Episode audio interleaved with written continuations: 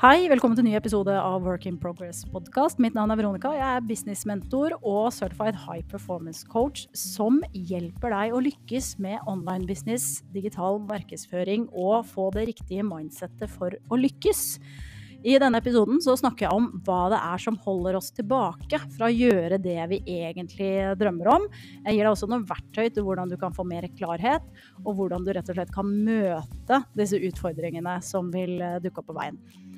Har du spørsmål underveis, så send meg en DM på Instagram. Det ligger link under i eh, teksten til denne podkasten. Og hvis du ønsker og er nysgjerrig på hvordan du kan jobbe én-til-én med meg, så send meg en DM på Instagram. God lytt! Altså, nå har jeg jo kastet meg ut i dette podkastuniverset, og det betyr jo også at jeg må følge opp. Uh, og det er jo egentlig mest for min egen del, for det er noe med å føle at man ikke mislykkes i ting. Og da må jeg senke terskelen. Og i går så prøvde jeg å lage episode kanskje ti ganger. Men jeg var i litt sånn muggent humør. Det var en sånn dag hvor jeg ikke hadde troa på noen ting, og jeg bare Ja. De tankene som dukker opp. Jeg er ikke bra nok. Jeg kan ikke nok. Hva skal jeg gjøre med livet mitt? Jeg aner ikke. Og så er det det her med med retning. Og det er på en måte noe med at de tinga som kanskje betydde en gang, noe en gang før, ikke betyr det samme lenger. Og det kan jo for meg opplevd det som en sorg øh, og en sånn frustrasjon i at øh, ja, men jeg visste så inderlig godt hva jeg skulle drive med. Og nå snakker jeg om min øh, første bedrift. Og før det så lurte jeg også veldig på hva jeg skulle drive med. Jeg begynte å studere idrett, ernæring og helse i 2011, fikk barn i 2012. Og var så insane opptatt av uh, ernæring. Og det var også fordi jeg hadde slitt uh, med, med, med, kroppen sjøl. Sleit med fordøyelsen. Klarte ikke å komme til bunns i hva det var. Og begynte egentlig å studere fordi at nå ville jeg ha fasiten. Uh, jeg kan ikke si at jeg fant fasiten i studiene, men jeg fant jo fasiten i all den tiden jeg brukte på å lese og lære om ernæring utafor studiene. For det ble mange timer. Og så fikk jeg barn i 2012. Barnet mitt, Frida, som nå er ti år, hun skulle begynne med fast føde. Uh, og det endte med at jeg ønsket jo å lage barnematen selv. Jeg uh, ville jo Altså, jeg lagde jo all maten til oss voksne fra bunnen av, så derfor så ville jeg også lage barnematen til datteren min fra bunnen av.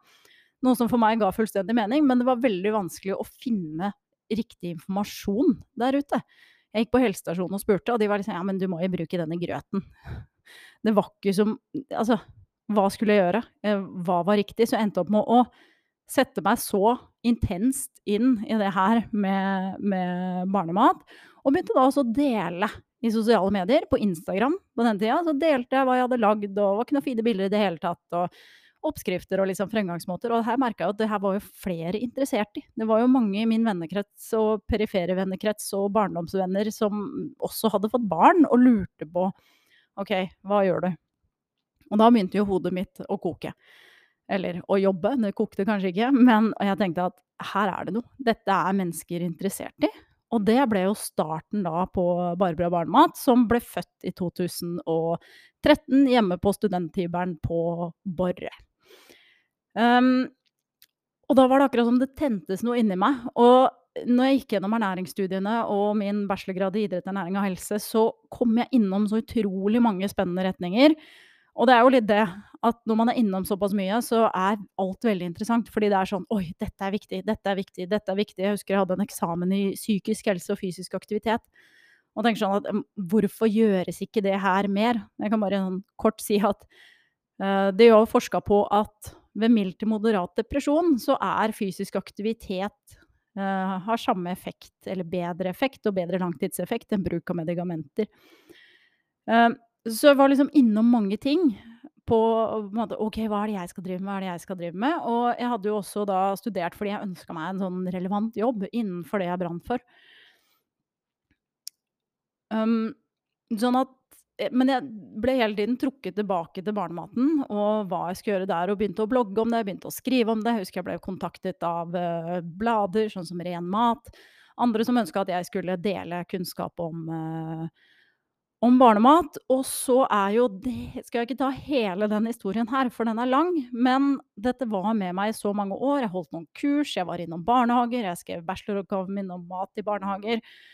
Uh, og lagde logo på Powerpoint før Canva fantes, som er et fantastisk verktøy for de som trenger enkel og billig design.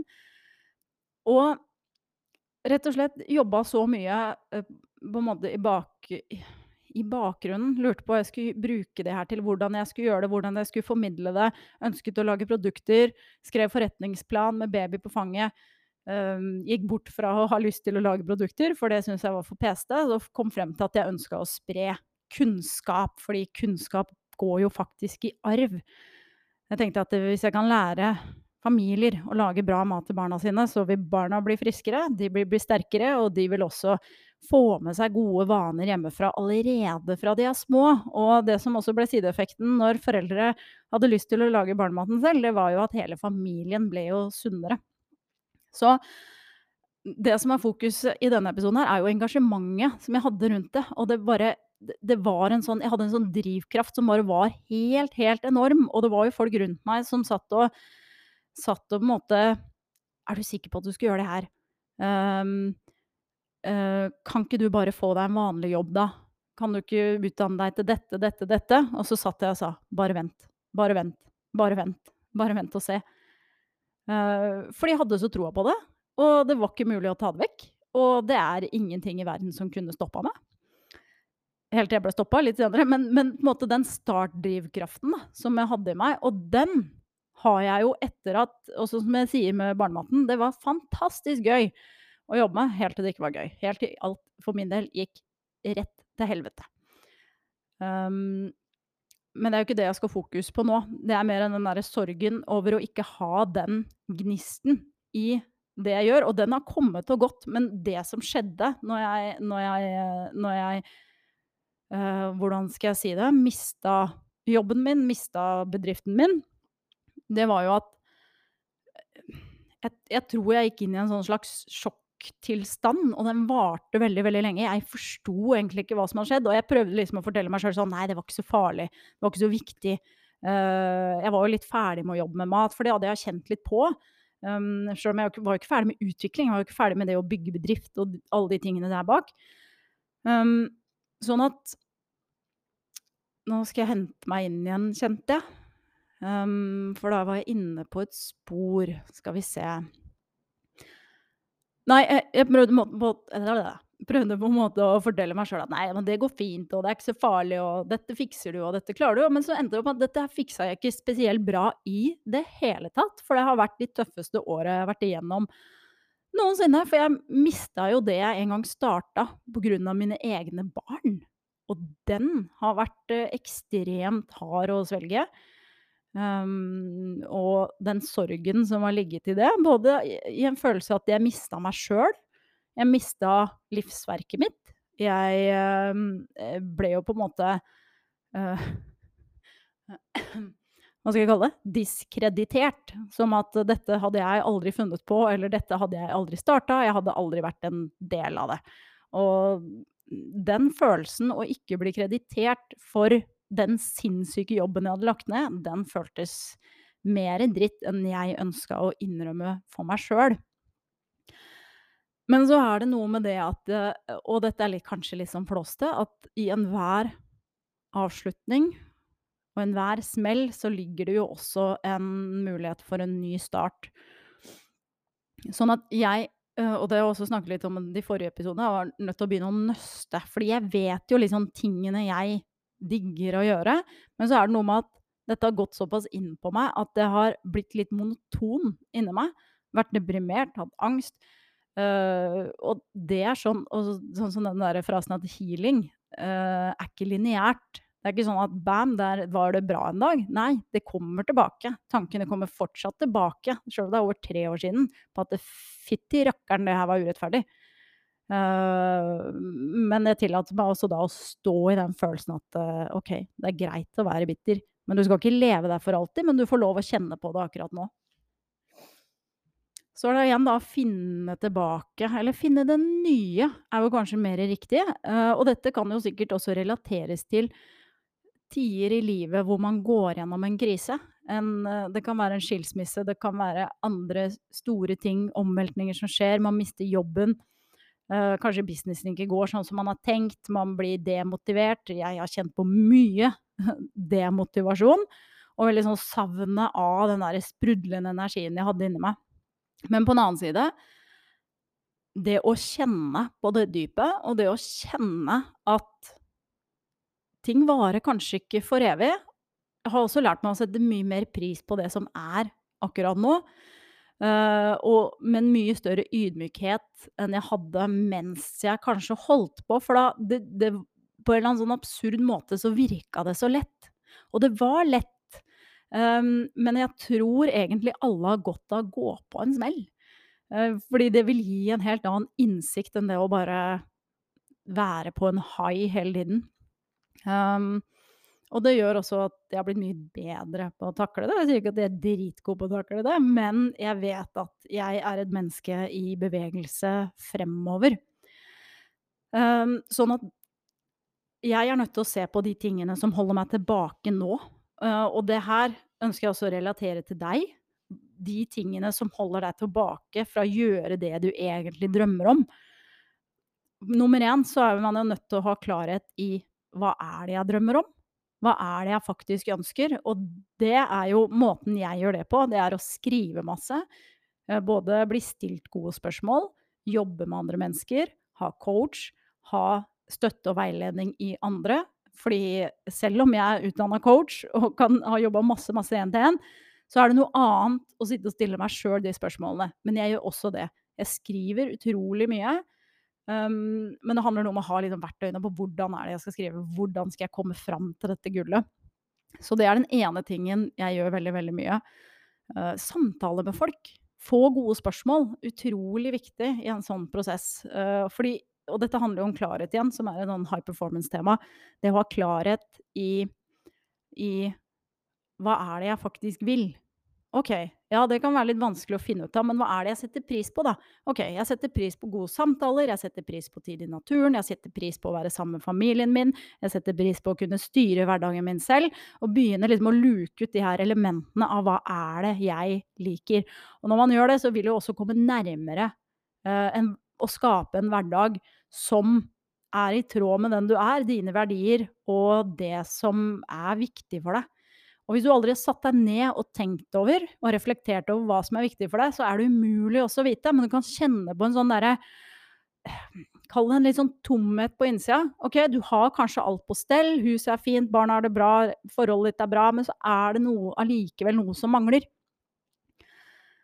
Og den kan være litt vanskelig å sette fingeren på. Men det handler om å få klarhet. Det handler om å få, å få mer oversikt over hva er det jeg vil ha i livet mitt, hva er det jeg ikke vil ha i livet mitt. Og så er det å jobbe ut ifra det. Så det er en av de tinga jeg gjør, og jeg sier ikke at det er gjort over en, eh, en dag, men så er det den andre tingen, og det er jo de tinga som holder meg tilbake, som handler om frykt. OK. Um, da jeg starta den første bedriften min, så var det utrolig mange terskler jeg gikk over som handla om å møte frykt. Og altså, bare det første gangen, jeg tror det var i 2014 kanskje, så registrerte jeg enkeltpersonsforetak. Og det syns jeg var utrolig skummelt.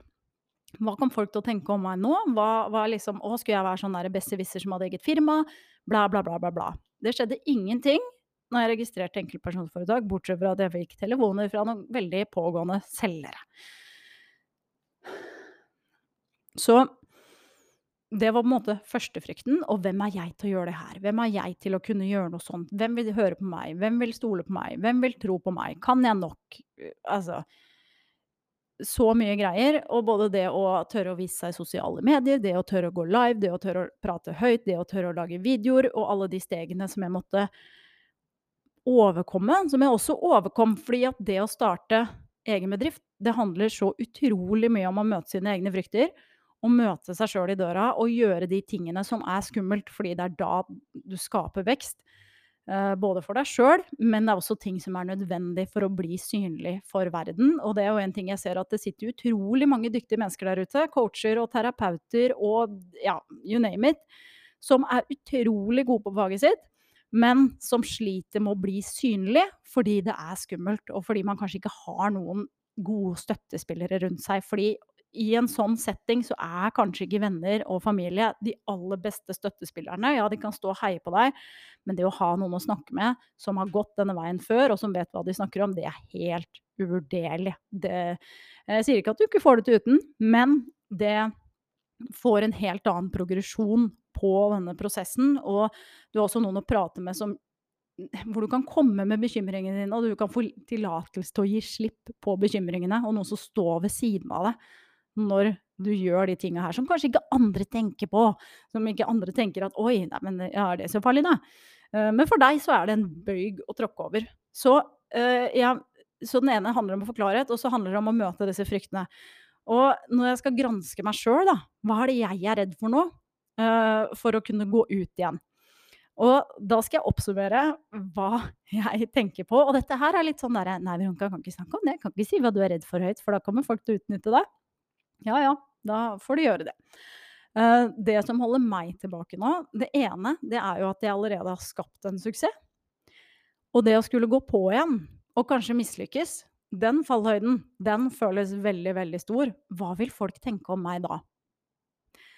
Uh, så det er den ene. Og så uh, er jeg redd for at det skal bli for mye jobb. Fordi jeg jobba så insane mye forrige gang. med ting som jeg etter hvert ikke syntes var veldig gøy. Det var mye sånn teknisk, mye drift, mye kundeservice, sånne ting. Jeg er redd for at det skal bli for mye jobb, som gjør at jeg også holder meg tilbake fra kanskje ikke gjøre så mye jobb. Um, og så er det jo også den derre Å, hva om jeg velger feil? Hva om jeg går ut nå og begynner å snakke om feil ting? Uh, og når jeg går til dypet i disse fryktene, så er de jo irrasjonelle. Ok, Så hvis jeg snakker om feil ting, da, hva er å snakke om feil ting? Det er én måte å finne ut hva du vil på, og det er å begynne å snakke om ting, og så er det lov å endre retning. Um, og dette må ikke være god nok, dette ikke, må ikke være bra nok. Det Det tenker jeg vel egentlig ikke så mye på nå, men jeg kan føle at jeg har mista moment. For jeg var jo inne på det med coaching, jeg var jo inne på det med å hjelpe gründere. Uh, og så gikk jo livet rett og slett skikkelig ad undas. Så det var sånn Å nei, tenk om de samme folka ikke er der? Tenk om ingen har lyst til å jobbe med meg? Tenk om, tenk om, tenk om, tenk om. Uh, men ingen vil jo heller jobbe med meg hvis ikke jeg putter trynet mitt ut der, hvis ikke jeg er tydelig, hvis ikke jeg snakker om de tingene jeg faktisk uh, brenner for. Og det samme gjelder jo alle andre som ønsker å ha en påvirkning, som ønsker å ha innflytelse innenfor en gruppe mennesker. Og dette med dere som er gründere, og dere som har gründerspirer, og dere som ønsker å få til noe. Altså, det er Må liksom overføre de samme tingene som jeg også putter på meg sjøl, og som jeg også har levd. Og det er jo at dette er jo Altså, hvis du Internett er jo fullt av sånn eh, Gjorde sånn, tjente så mye på så kort tid. Uh, og alle de tingene der. Men dette handler om å være in it for the long run. Altså være her for å skape noe som er bærekraftig, noe som varer over tid. Det er jo en viktig tanke å ha med seg. For det er jo ikke en sånn derre 'nå skal jeg bli raskt rik'-programmer. Det går an å tjene penger fort. Uh, men det kan ikke være motivasjonen hvis det er noe som skal vare lenge. Det er en, du skal jobbe, bygge opp en stabil bedrift. Du skal bygge opp noe som er stødig, som har et tydelig, tydelig fundament.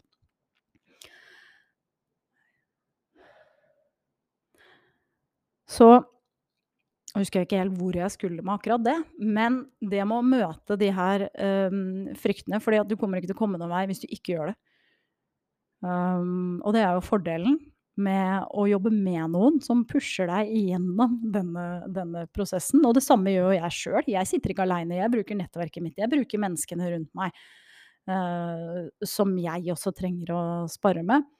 Og de beste menneskene og de som gjør det aller best, de har alltid støtte i noen andre. Å tenke at man skal gjøre ting helt på egen hånd, det er bare helt idiotisk.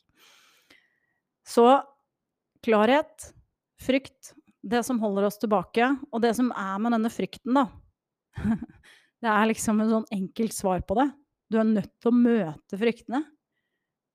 Uansett Du trenger jo ikke å gjøre det uansett hva det er, men du må identifisere de områdene hvor du holder deg tilbake, hvor du gjør deg selv liten, og gå ut og egentlig bare se at dette her går faktisk veldig fint, for det gjør det. Uh, tørre å være åpen, tørre å være ærlig, tørre å være sårbar. Tørre å vise fjeset sitt i sosiale medier. Tørre å snakke om det man uh, brenner for, og så må man blåse litt i alle andre. Det er helt umulig å please hele verden. Men det finnes en gruppe mennesker der ute som ønsker å høre på det akkurat du har å si. Og da er det viktig at du åpner opp, begynner å prate om de tingene som er viktige. Og det samme kan jeg relatere til det her med barnemat, fordi der satt jeg jo og tenkte mye OK, hvem vil høre på meg? Hvem, uh, hvem uh, Er jeg bra nok til å snakke om det her? Alle de tingene der. Så jeg måtte jo sette meg sjøl i bakgrunnen, og så måtte jeg tenke på de jeg faktisk ønska å hjelpe, og det handla om barna. OK, skal jeg la være å gå ut i verden og, og prate om disse temaene uh, fordi jeg er redd, eller skal jeg faktisk putte frykten min bak og begynne å snakke om de tinga sjøl om jeg er redd? Og det som skjer, er jo at etter hvert så vil ikke det her bli så skummelt. Skulle kanskje ønske at det var en sånn quick fix til denne frykten. Det er det dessverre ikke. Det handler om å putte på seg et mindset som, eh, som sier at eh, vet du hva, jeg gjør det uansett, og stå i det og gjør det mens man er redd. For hvis du søker etter en verden uten frykt, så søker du etter det Kanskje kall det komfortable eller uh, det livet hvor du på en måte ikke utfordrer deg, hvor du står stille Uh, og det er også greit å være der, men jeg tviler på at de fleste, hvert fall som hører på denne her, har lyst til å bli stående der de er. Fordi vi er mennesker, vi er skapende skapende um, Hva skal jeg si? Ska, skapende vesener. Uh, som også craver utvikling og vekst, og det å kjenne at vi lever. Og det å, å møte på disse fryktene som gir egentlig en sånn der fin glede, men som også er skummelt på samme tid det gjør at vi føler at vi lever. Og det å få lov å oppleve mestring, det å få lov å oppleve at dette faktisk går fint. Og så er det jo ekstra gøy hvis man står sammen med noen som driver med det samme i et fellesskap, i et nettverk, så man kan dele det man driver med, fordi andre forstår hva du faktisk, eh, faktisk eh, driver med. Så hvis du har noen spørsmål til meg etter denne episoden, så kan du sende meg en DM på Instagram. Jeg legger link under episoden. Og hvis du er nysgjerrig på hvordan vi kan jobbe sammen med å skape din bedrift, hvordan du kan komme, overkomme alle disse fryktene, og hvordan du kan vise deg ut i verden på en måte som er deg, så kan du også sende meg en melding på Instagram, og så tar vi en ve veldig Det kommer helt an på. Tar vi en hyggelig, hyggelig uh, prat der. Så tusen takk for at du hørte på. Straks tilbake. Er det noen temaer du ønsker at jeg skal eh, ta opp, så si ifra. Og så høres vi.